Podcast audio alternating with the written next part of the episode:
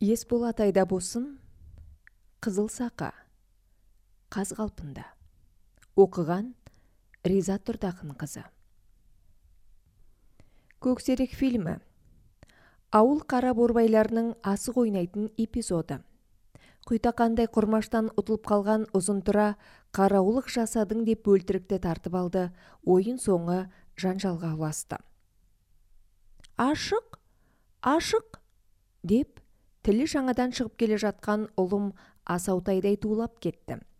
Атамнан қалған ат көрпенің үстінде жалаңбұт отырғаны ойда жоқ серкеге ұмтылған көкпаршыдай қопаң-қопаң етеді. Күнде өзі ойнап жүрген ойыншығын теледидардан көргеніне таңырқап тұр сірә. Үйдегілер оның қылығына мәз болып жатыр. Мен ноутбугымды құшақтап келесі бөлмеге бет алдым. Біз де талай рет көшені басымызға көтеріп асық ойнап асыр салушы едік. Мықынын сым темірмен мытып өзімізше тарылтып алған көнетоз шалбардың ағамыздан қалған. Қос қалтасын толтырып талай мәрте масайрап қайттық. Талай мәрте ұтылып ұнжырғамыз түсіп ауыл балаларының тілмен айтқанда сып сипалам болып та келдік.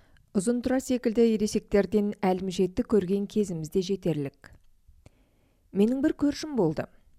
Өкіреш деп қоятынбыз шынаты самат. Бойы екі метрге жете қабыл қолы да сала құлаш. Сол өкіреш біздің ауылдағы мергеннің бірі. Біздің ауылда негізі асықтың майын ішкен мерген екеу. Біреуі украин көшесіндегі петька. Орыс украин ұлтының өкілдері тұратындықтан ол көше солай аталып кеткен. Петьканың шын атын әлі күнге дейін білмейді екенмін. Аты петька болғанмен заты қазақ әйтеуір. Өкірештің сұлбасы ебедейсіз болғанмен асыққа келгенде епті. Бар денесімен созылып барып шоқып атады. Ал петька жалпақ бас қамыт аяқ жұдырықтай бала. Сақасын жер бауырлатып жіберетін өмі. Екеуі талай мәрте жекпе-жек ойнап көрді олардың ойыны тым ұзаққа созылып кетеді. Аяғына дейін көріп отыра беруге елдің тағаты жеткен емес.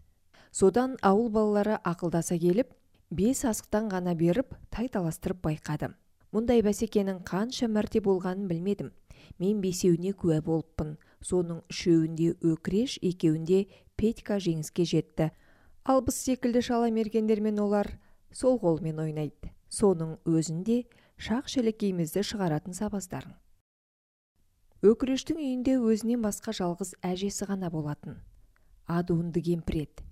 Күйеуі соғыстан оралмапты. Сол кісінің қызынан туған бала десетін мұны. Мал дегенде сынық мүйіз тарғыл сиыр ғана бар қорасында. Жарықтық жануарды туар алдында ғана суалтады әйтпесе қысы жазы сауат. Бұты бұтына шалынысып ыңыршағы шығып жүрсе де жылдап заулайды. Бірақ жылдағысын тайынша кезінде кәдеге жаратып жібереді соғымға сояды я болмаса базарға шығарып ақысына өкірешпен әжесі шырттай киініп келеді. Атам марқұм мұндайда бұлқан талқан ашуланады. Мал басын өсірмейсің бе әшшау өкірештің әжесін бүкіл ауыл солай атайды. Жылда сойып жей бергеннен бірдеме шығады дейсің бе? Анау балаң үйленеді ертең.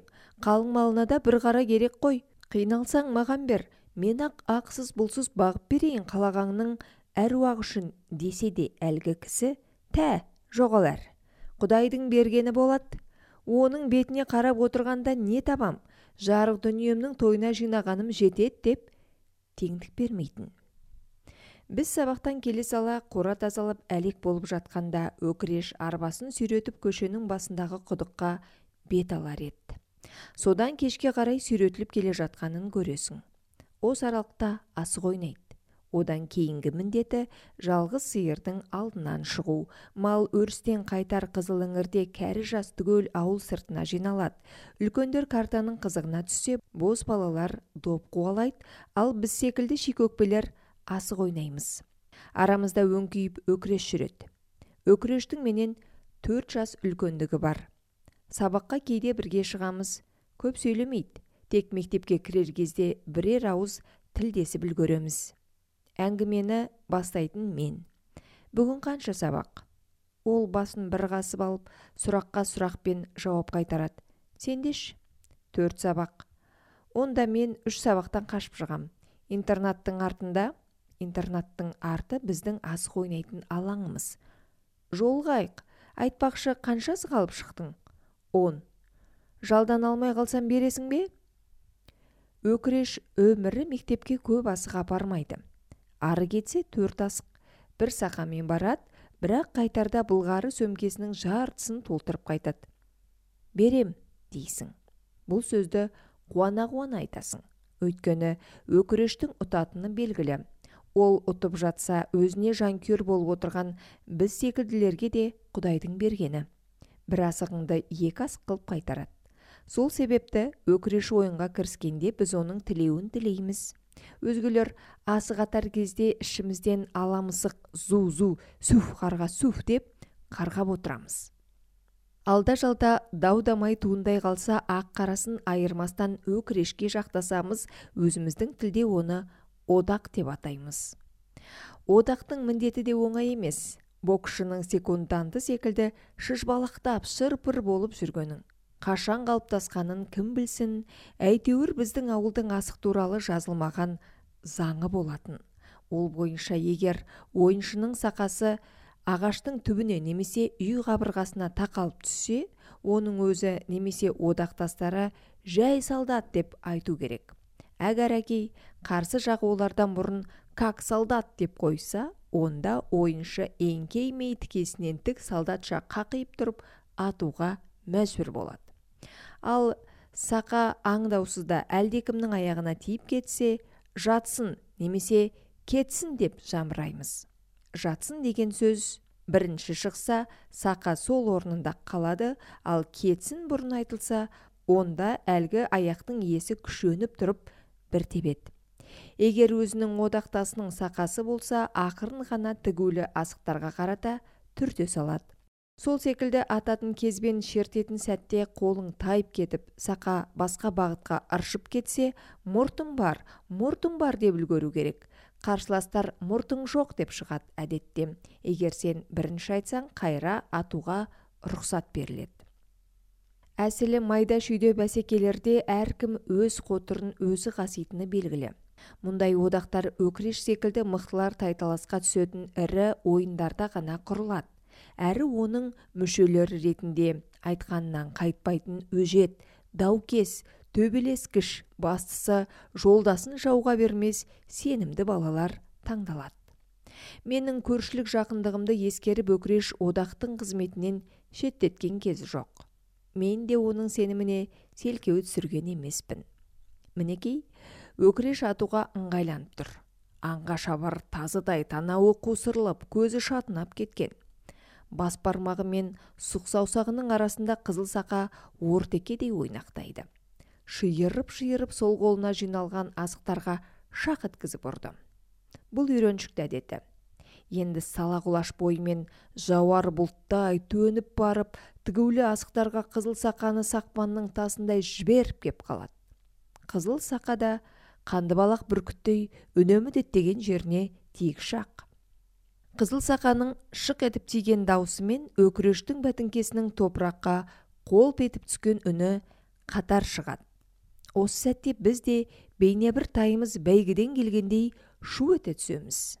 Біріміз жүгіріп барып шеңбер сыртына шыққан асықтарды қағып аламыз. Өйткені өкіреш төрт асықтан артық ұстамайды. Айтпақшы өзге балалардың алақанына үшеу әрең сыйғанда өкірештің дәу қолына төрт асық еркін еніп кетеді. Өкірештің бір кемшілігі аяғы шамадан түс әсіресе үш табан ойнағанда қиын сол кезде 42-ші размерлі етік киеді шамасы оның үш табаны өзгелердің бес табанына татитын. Сондықтан ол неғұрлым қатты атуға тырысатын. Өкіреш үндемегенмен қулығы бір басына жететін бала. Ойыннан сән кете бастаса дау тудырып жіберуі оп оңай ондайда көбіне жұппай жасайды. Ереже бойынша асықтың бәрін алышысынан немесе тәйкесінен тігуге тыйым салынған олай еткен күнде жұппай болады. Асықты көріп отырған балалар хан талапайға салып талап әкетеді. Оның арты белгілі қызыл кеңірдек дау тіпті төбелеске де ұласуы мүмкін. Біреу жұппай болған жоқ біреу болды деп өзеурейді ақыры ойын тарқайды, өкіреш осы жұппай жасаудың шебері. Ауылдағы асық құмар өкірешке әжесінің ұрысқанын көрмеппін. Өзі ғана емес өзгеге де қатты сөйлетпейтін. Алда-жалда тисе қалғандар өкірешке әлімжеттік жасағандар болса сол күні-ақ әшші әжеден сыбағасын алады. Тіпті мектеп мұғалімдері де өкірешке батып ұрса алмайтын. Содан болар өкірештің оқу үлгерімі нашар. Көбейту таблицасын білмей сұрақ белгісінше бүктеліп тұрғанын талай көргенмін. Асығымның санына жете алмай жүрмін. Түстен кейін келіп санап берші деді. Бір күні үйге келе жатып. Қуанып кеттім. Өйткені оның асығы туралы аңыз көп ел арасында. Оның қай жерде жатқанын өзінен басқа ешкім білмейді. Құмарлығым артып барады. Әрі асығын санап берсем ақысына бір сақасын сұрасам деген дәмем де бар. Түстен кейін шарбақтан секіріп түсіп салып ұрып бардым. Қолымда әкемнің есеп шоты өй бухгалтер болып кеткенсің бе? деп бірге кетіп алып қорасына кіріп кетті. Үлкен бір қанарды мықшыңдап көтеріп шықты. Не үйіңде мүшек жоқ па? деп мысқылдадым. Оны да бір түйреп алғым келгендей. Бірақ өкірештің өз есебі бар екен. Мөшек құрсын бір құрыса деп күбірледі. Қанардың жайын аузын буып тұрған байлауды шешіп жатып. Асықтарың дымданып бара жатса кептіріп дегдетіп алғанға мынадан қолайлысы жоқ. Күн шуаққа аузын ашып қоя саласың жаймалап әуре болмайсың. Асығыңды қанарға сақта деді тап бір жаңалық ашқан адамдай даусын көтере сөйлеп. Менде қанарға салатын асық қайдан болсын? Әжем айран құятын дорбасының біреуін берген бар байлығым соның бір бүйірін ғана толтырарлықтай. Ондай пұшайман халімді өкірешке айтып өзімді төмендеткім келмеді. Мол қазына тауып алып соны санауға кіріскен дүние қоңыз қарақшыдай отыра қалып санақшылық қызметіме кірістім. Сөйтсем мен де ол кезде өкініштей сауатсыз екенмін. Кешкілік қойларды қораға қамарда бір шұбатқаннан ақ санап тастаушы едім. Үш жүзден кейін шатаса бердім. Әрі өкіреш асығын ұрлап алатындай дауыстап санасаңшы бір емес екі асық лақтырып жібердің деп төбеңнен төніп тұрса қайбір жартасың діңкелеп кеттім. Ақыры менің шамамды байқады білем үндемей келіп қанарға қайта салып алды. Мен отырмын қызыл асық ақ асық жасыл асықтарға жаутаңдап қарап. Бұлар шірік шалып мұртым үзілген ескі асықтар ғой сақаларым мен жаңа асықтарым бір бөлек бірақ олар бұдан аздау деп қояды. Мұрын астынан міңгірлеп. Асығын жүзге жеткізе алмай жүрген мен пақырға бұл сөздердің қандай әсер еткенін шамалай беріңіз.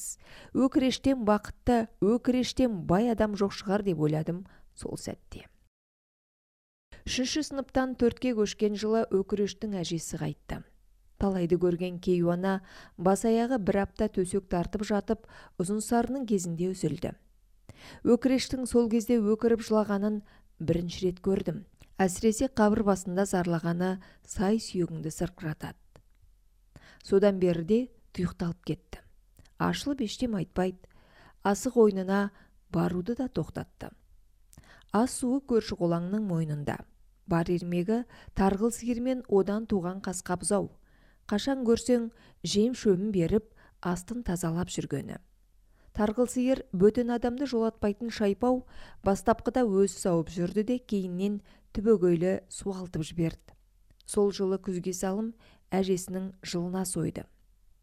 Байғұс бала әбден бағыпты ақтарылып түсті деп келді әжем кешкілік шай үстінде. Жарықтық қасиетті мал екен. Әшша өлген түні мөңіреп шығып еді бауыздар кезде қыңқ демей жатты деп атам да қостады құдай қосқан қосағын. Кәрі малдың еті қатты болушы еді. Мына сиырдікі құнажындікіндей былбырап тұрып пісті ғой деп әңгімеге араласты. Сол жиында қазан ошаққа бас көз болған шешем. Енді о дүниеде де әш-шапа тарғыл сиырды сауып ішетін болады деп әңгіменің соңын әзілге аудармақшы болған маған үйдегілер алая қаратты. Со күні тіпті сол бір аптада біздің үйдің ғана емес бүкіл ауылдың әңгімесі осындай болған анық. Екі адамның басы қосыла қалса талқыланатын тақырыптардың бірі тарғыл сиырдың семіздігі мен өкірештің өзгеше мінезі еді. Ауыл адамдарының арасында жанынан шығарып асырып айтатын да бар. Ұры алып кетпесін деп өкіреш жанына қонады екен. Бұқалар артылмасын деп құйрығына шүберек таңыпты деген қисынды қисынсыз лепірмелер де болды. Осы лепірменің ішінде маған қиындау тигені өкірештің екі қанар асығының тағдыры. Жұрттың сөзіне сенер болсам өкіреш қырманшы керімқұлдың баласына асық апарып беріп жарылған арпа алғанмыз айырбастаған яғни. Ол арпамен тарғыл сиырды бордақлаған ел жұрт өй мына баланың қуын қара деп басын шайқаса менің басымды басқа ой кеулейді. Өкіріш өйтпеу керек еді ғой. Өйткен күнде екі ғана расықты түгел бере салмаған шығар. Өзімше өкпелеп те жүрдім. Маған бергенде мен ақ атама көрсетпей қамбадан жем ұрлап берер едім ғой деген арам ойымда жоқ емес. Бір күні қой бөлінісіне өкіреш екеуміз ұзынды қысқалы болып кетіп бара жатқанбыз. Әдеттегіше жол ортасына жеткенде мә демесі бар ма? есім шығып кетті есің шықпағанда нең қалады? Өкіреш өз қолымен атақты қызыл сақасын беріп тұр. Бұрын бір ойынға бере тұршы дегенге мұрты бұзылады деп азар да безер болатын қызыл сақаны дәл қазір саған басы бүтін сыйға беріп тұр. Асықты қоямын деп мұрын астынан міңгіретті. Қимасын алыс сапарға аттандырып тұрған адамдай. Қызыл сақаны жалма-жан қалтаға сүңгітіп жібергенімді білем неге деп сұрап үлгермедім. Нағашыларымның ауылына көшетін болдым. Олар қалада тұрады. Асық ойнайтын бала жоқ шығар онда деп түсіндіріп жатыр. Осы жерде сұраудың сәті келді. Екі қанар асығыңды не істемексің? Оны жемге айырбастап жібергем. Бүгінгі диалог осымен бітті. Саған керек болса. Сырттай өкірештің асығына мұрагер болып жүрген арман қиялымның тас талқаны шықты. Бірақ бір өзі жүз асыққа татитын қызыл сақа қалтада осының өзі мол олжа. Қызыл тайпақ атанған қошқардың шекіл сақасы үшін талай дау болған. Қалай иірсең де алашысынан түсетін тәйке тұрғаны сирек. Оның осы бір қасиетіне күмәнданып қорғасын құйылған деп талайлар өзі өреді ары шұқып бері шұқып салмақтап көреді бірақ өкіреш міз бақпайтын. Мұны қойшы. Асқардың баласынан жүз асыққа айырбастап алғам. Пожалуйста жүз асыққа бәстесейік елдің көзінше шағамыз деп тап беретін. Ондай байлар қайдан болсын? Өзі өрегендер өзді өзі күңкілдеп барып жел шыққан доптай басылып қалатын. Сол қызыл сақа құдайдың құдіретімен менің қолыма тиді. Ал әжесінің жылын бергесін түп нағашылары келіп өкірешті алып кетті. Өкіреш сол кеткеннен мол кетті. Жолымыз қайта түйіспеді. Мен қызыл сақамен ойнап та жарытпадым. Басқа бапкерге барғанда жүгірмей қоятын текті жүйрік секілді қолыма жақпады. Өкірештің саусақтарына арнап жаралғандай үлкендеу екен. Петька қайта-қайта сұрады әуелгіде жүз асыққа айырбаста деп жалынды. Бермедім. Кейіннен екі жүз асыққа тік жекпе-жек ойнайық деді. Ереже бойынша бір сақа екі жүз асықтың орнына жүреді көнбедім. Есейіп қыздарға қырындайтын жасқа келгенде әжемнің сандығына салғанмын. Бертінде студент болдық үйлендік жеке дара шаңырақ көтердік. Қызылсақа көнетоз ат көрпемен бірге алыстағы ауылдан астанаға жетті. Сол қалпы. Асық атуға жарап қалған екі ұл анда-санда хан талапай ойнайды. Қызыл сақаны хан сайлап қойыпты. Оныншы қаңтар 2012 жыл астана